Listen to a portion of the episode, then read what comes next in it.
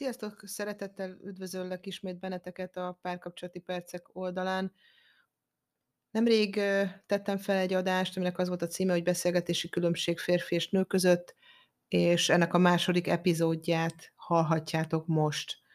Hosszabb témakör, úgyhogy eldaraboltam, hiszen annyi mindenről tudunk még ennek a témának a kapcsán szót ejteni.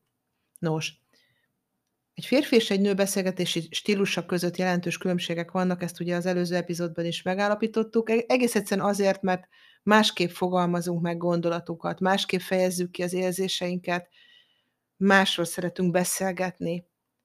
És joggal kérdezhetitek, hogy miért is kell ezzel tisztában lenni, hiszen ezt, ezt mindenki tudja, még a csecsemők is mondhatná. Hát nyilván van ennek jelentősége.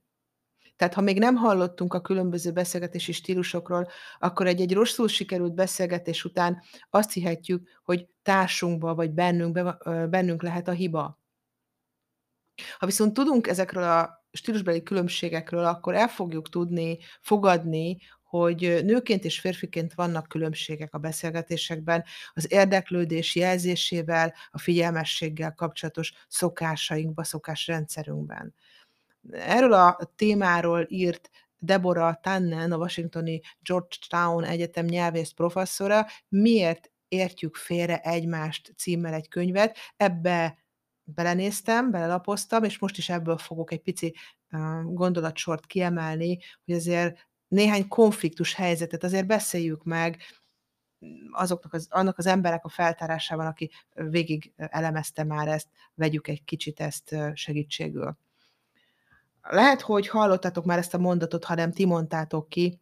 Miért nem beszélgetsz velem? Azt mondja a nyelvész professzor, hogy a feleségek öt leggyakoribb panasza közül az egyik az, hogy a férjem már megint nem beszélget velem. A nők által megnevezett válók között is az elsők között szerepel a kommunikáció hiány, a férfiak sokkal ritkábban említik ezt meg. Bár nekem az a tapasztalatom, hogy egyre inkább a férfiak is érzik azt, hogy a kapcsolatukban ebben bizony van fejlődni való. Tehát egyszer egy pár mindkét tagja ugyanabban a beszélgetésben vesz részt. Miért elégedetlenebbek mégis a nők, mint a férfiak? Hm. Mert másra számítanak egy beszélgetés során. És mi nők másban látjuk a beszélgetésnek a lényegiségét. Sok nő számára a kapcsolat addig működik, amíg meg lehet beszélni a dolgokat, ezt az előbbi epizódban is említettem, és sok férfi számára viszont az a kapcsolat már nem működik, amíg, amin folyamatosan dolgozni kell. Ez most egy ismétlő mondat volt, de hát ha, hát, ha megragad, ugye, hogy ez egy elég markáns különbség. Ha a nő azon fáradozik, hogy a beszélgetések kezdeményezésével megmentse a kapcsolatot, a férfi pedig igyekszik elkerülni a beszélgetéseket, mert azok az ő szemében ezt az egészet gyengítik. Akkor a kapcsolat megmentésére irányuló erőfeszítéseik akár mind a két félnek tönkretetik azt. Aztán a másik ilyen mondat, miért nem értesz meg engem? Tehát ha végül is elindul valamiféle beszélgetés, a menetéről igencsak eltérő elképzelések születettek a férfiak és a nők agyában egyaránt. Vegyünk egy konkrét példát. Tini meghitnek és kellemesnek érzi Gáborral való kapcsolatát, vacsora után beül a fotelba, és a munkai problémáiról kezd el beszélgetni a férjével. Arra számít, hogy a férfi kimutatja az érdeklődését, és kérdések, kérdéseket fog feltenni neki, egy ilyen oda-vissza interakció történik, megnyugtatja őt, hogy megérti őt, és az érzéseit természetesnek találja. Erre vágyik. Majd a bizalmat visszafog, ö, viszonozza a férjének, és megosztja vele, a, fér, a, a férje viszonyozza ezt az érzést nekit, és majd a férfi is megosztja vele ezeket a, az esetleges felmerülő problémáit. Ehelyett a férfi fennakad a részleteken, viccelődik, megkérdőjelezi a neje termezését, majd elkezd tanácsokat adni, hogy hogyan oldja meg a problémát, és hogyan el, e, előzze meg legközelebb ezeket a dolgokat a munkahelyén.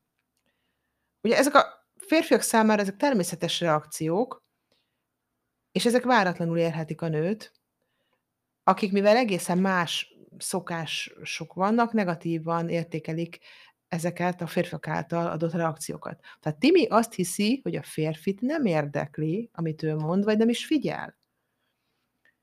Amikor az értelmezését kérdőjelezi meg, Timi úgy érzi, Gábor akadékoskodik, miközben ő éppen azt szeretné, ha a férfje az ellenkezőjéről győzne, győzni ezt, ezt meg. Remélem világos ez a párbeszéd minta. Mi következik ebből? Hogy a hölgy úgy érzi magát, mint a beteg az orvosnál, mintha Gábor volna a beszélgetésben a felsőbbrendű személy, ő pedig a tanácsokra szoruló beteg. Holott ezt nem így szeretné. És ez könnyen elindíthatja a kölcsönös eltávolodás folyamatát, nyilván akkor, hogy ez sokszor előfordul, és a pár ezt nem beszéli ki, hogy kinek ebben a helyzetben mi a szerepe. Hiszen a nő meghittséget igénylő jelzéseire a férfi úgy reagál, hogy a nő távolodást érez ebből az egészből. Tehát a nő lehet, hogy egy ilyen női csacsogás vagy, vagy beszélgetés szintjén szeretne kommunikálni a férjével, a férfi pedig nem ilyen, és ezért ez eltolódik. Tehát ezért a, a nő számára egyetlen ismert módon egyre mélyebb önfeltárással próbálja visszaállítani a meghittséget, a férfi pedig egyre kitartóbban adja a tanácsokat. Tehát lehet, hogy ez még jobban belemennek ebbe a párbeszédbe, a két felet el tudja egymástól távolítani. Tehát minél több problémát vet fel a nő, annál tehetetlenebbnek érzi magát. A férfi pedig úgy érzi, hogy a nő nem értékeli az ő segítő készségét, és azon tűnődik, hogy vajon miért kér tőle akkor tanácsot, ha azt nem akarja megfogadni. Hogy milyenkor a megoldás, hamarosan kiderül, de menjünk tovább a következő jellemző konfliktusos helyzetre. Ilyen mondat, hogy téged nem érdekel, amit mondok. A feleségek másik leggyakoribb panasz az, az, hogy a férjemet már nem érdekli, amit mondok, nem figyel. A férfiak azonban néha úgy érzik, ez nem igaz, és igaztalanul vádolják őket, és akkor erre azt mondja, hogy ja, de én figyeltem. Ilyenkor igazuk van, tényleg valóban figyelhetnek, hogy valaki valóban figyele vagy nem, azt nyilván csak ő tudja igazánból megmondani. A többiek csak bizonyos jelekből ítélhetik meg azt, hogy ő tényleg figyel vagy nem. Egy erre irányú kutatás kimutatta, hogy a nők és a férfiak máshogy jelzik az ilyen helyzetekben a figyelmüket. A említett kutatás szerint a nők általában azért mondjuk azt, hogy hümmögnek, hogy a figyelmüket jelezzék, a férfiak viszont többnyire, amikor így hm, hm, oké, okay, vagy valamilyen apróságot mondanak, akkor az egyetértés jelzésére használják mindezt. Tehát a hőmögések, nevezük így, gyakoriságának eltérése, tehát a problémát okozhat egy ilyen férfinő kapcsolatban, ha egy nő hűmögések sorával bozdítja beszédre a férfi partnerét, vagy később kiderül, hogy nem is ért vele egyet, a férfi úgy érezheti, hogy félrevezették. Ezzel szemben, ha egy férfi odaadó figyelemmel tudja a párját követni, a nő beszéd, a folyam, beszéd folyamatát, de nem ért vele egyet, akkor nem fogja ezt ilyen, ilyennel nyugtázni, a nő pedig azt fogja gondolni, hogy, egy, hogy a másik erre nem figyel. Tehát, hogy ezt, ezt, ezt, ezt meg kell érteni, hogy, hogy ez az általánosságban hogy működik, természetesen ez egy általános dolog, nyilván mindannyiótoknál más és más lehet ugye egy ilyen beszélgetés, de ezek ilyen karakterjellemzők, mondjuk ezt így, és, és figyeljük meg azt, hogy, hogy ki hogy nyugtázza a, a másik beszédjét. A legjobb módszer mindig az, amikor visszakérdezel, és vissza mm, méred azt, hogy, hogy tényleg a másik hogy figyelt. Nem azért, mert ellenőrizni akarod, csak hogy megértsd. És tudjatok tényleg egymással minden igényt kielégítően kommunikálni. Aztán egy ilyen problémás kérdés, miért nem mesélsz valami érdekeset? Néha a férfiaknak és a nőknek is igazuk van, amikor úgy érzik, hogy a másik fél nem figyel. Ez tény. Ennek részben az lehet az oka, hogy más tartanak érdekfeszítőnek. Más, ami, ami felhívja, vagy megtartja abban a beszélgetésben a figyelmüket. Tehát, hogy ténylegesen tartani tudom végig, ha valaki egy monológot mond, a figyelmet, és akár vissza is tudom mondani, hogy miről beszélt. Erre mondok egy példát. Nevezzük Bettinek. Betty nagyon unja, amikor Péter órákon át mesél a tőzsdéről, vagy a foci VB-ről, mindegy milyen férfias dologról. A férfi viszont attól kap kiütést, ha nő a hétköznapi ilyen csipcsup ügyekről fog a, egy nagy monológot tartani, vagy, ami, ami tényleg tipikus, hogy a nő mesél a férfi számára ismeretlen emberekről. Nevén is nevezi, és a férfiak fogalma sincs, hogy ki az, aki itt ebbe a történetbe szerepel. Miért van ez így?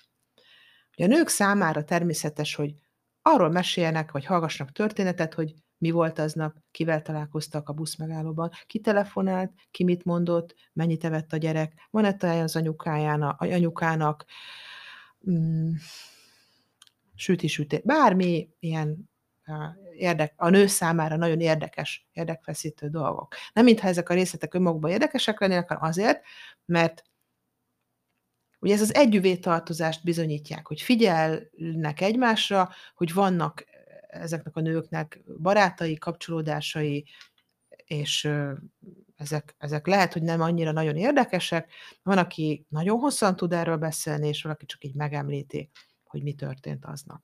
Ezen szemben a férfiak számára a beszéd ilyen célú alkalmazása nem természetes. Szerintük a tényekről, ez fontos szó, több férfitől hall, a tényekről van értelme beszélgetni. Például sportról, politikáról, történelmek, történelemről, buxindexről, dolgok működéséről, technikai dolgokról, hobbiról. Tehát ilyen.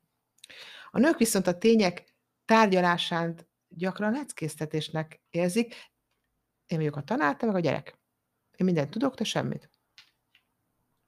És amikor a nők számukra egyértelműen érdekes dolgokról beszélnek, gyakran mesélnek más beszélgetésekről.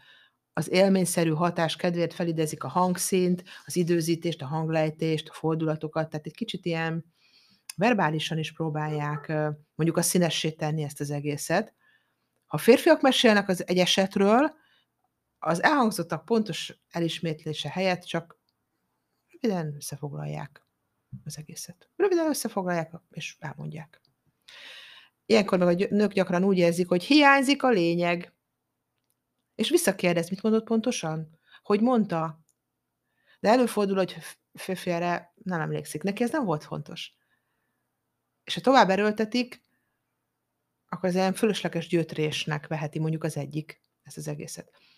És lássuk itt meg, hogy a férfiak és a nők más jellegű információkat őriznek meg a tudatokban, és mást felejtenek el illetve másképp beszélgetnek egymás között, így eltérő típusú beszélgetésekben szereznek gyakorlatot. Most egy záró gondolatként fontosnak tartom kihangsúlyozni, hogy természetesen ezek a megállapítások, ezek nem törvényszerűek. Elképzelhető, hogy a fenti tulajdonságok pont fordítva igazak, vagy egyik kötökre sem jellemző. Ugye szoktam említeni, hogy az én ilyen sablons dolgokat nem szeretem, hiszen mindegyikünk egyéni, egyedi. A lényeg itt inkább abban rejlik, hogy rájöjjünk arra, hogy mi lehet a megoldás. Például, ha a párunk azt állítja, hogy érdekli, amit mondunk, még ha nem is látszik rajta, higgyük el a szavaik, és ne a saját érdekeinknek, vagy sejtéseinknek próbáljunk igazat adni, vagy arra hallgatni. Aztán néha az is segít ilyen helyzetekben, ha megbeszéljük a másikkal, hogy milyen érzéseket kelt bennünk, a mondani valója, és mit várunk el tőle. Kommunikáljunk erről. Aztán, ha egy férfi tanácsokat kezd osztogatni egy nőnek, a nő ezt válaszolhatja, mondjuk, hogy köszönöm a, a, a tanácsodat, de valójában nem azt akarom, hogy megmond, hogy mit tegyek, csak szeretném, ha meghallgatnál, és nyugtáznál a megértésedről. Tehát arról biztosítanál, hogy megértetted. Tehát nagyon sokszor a nőnek nem arra van szükség, hogy magyarázkodjanak, vagy tanítsák, okítsák, hanem nagyon sokszor a megértésről, meghallgatásról van szó. Nyilván a férfiba pedig ott düböröghet a megoldás, ugye a férfi azért fel a megoldás, a, a, a tanácsosztás, vagy ezt hogy csinálnám. Nincs ebből sem gond, erre is lehet hangsúlyt fektetni, ha két fél ezt megértésben össze tudja hangolni. És nem lesz konfliktus. És nyilván a férfi pedig így szólhat, hogyha vitatkozom is azzal, amit mondtál, nem azt akarom bebizonyítani, hogy nincs igazad. Egyszerűen így mutatom ki, hogy figyelek rá, amit figyelek arra, amit mondasz. Itt vagyok, és a megértésről biztosítalak téged. Engedjetek meg, hogy most is egy idézetet elmondjak nektek így a végére. Nagyon tetszik Müller Péternek ez a pársora, és, és ide illik. Így hangzik. Jó beszélgetni, csevegni, jó kedvűen, mélyen, őszintén, hogy kibukjon belőlünk végre az, amiről magunk se tudjuk, hogy bennünk van. Akkor jövünk rá, amikor kimondjuk. Életünk legnagyobb pillanata, amikor megnyílunk egymás számára. Én ezzel az idézettel zárom most ezt a kis rövidített etapot, és szeretnék még ebben a témában jönni, úgyhogy nagyon szépen köszönöm, hogy meghallgattatok. Bízom benne, hogy voltak hasznos információk, tudjátok használni a kommunikációtok során, főleg az egymás megértése irányába. Legközelebb a következő epizódban ezt a témát még folytatjuk. Mindenkinek minden jót kívánok, sziasztok!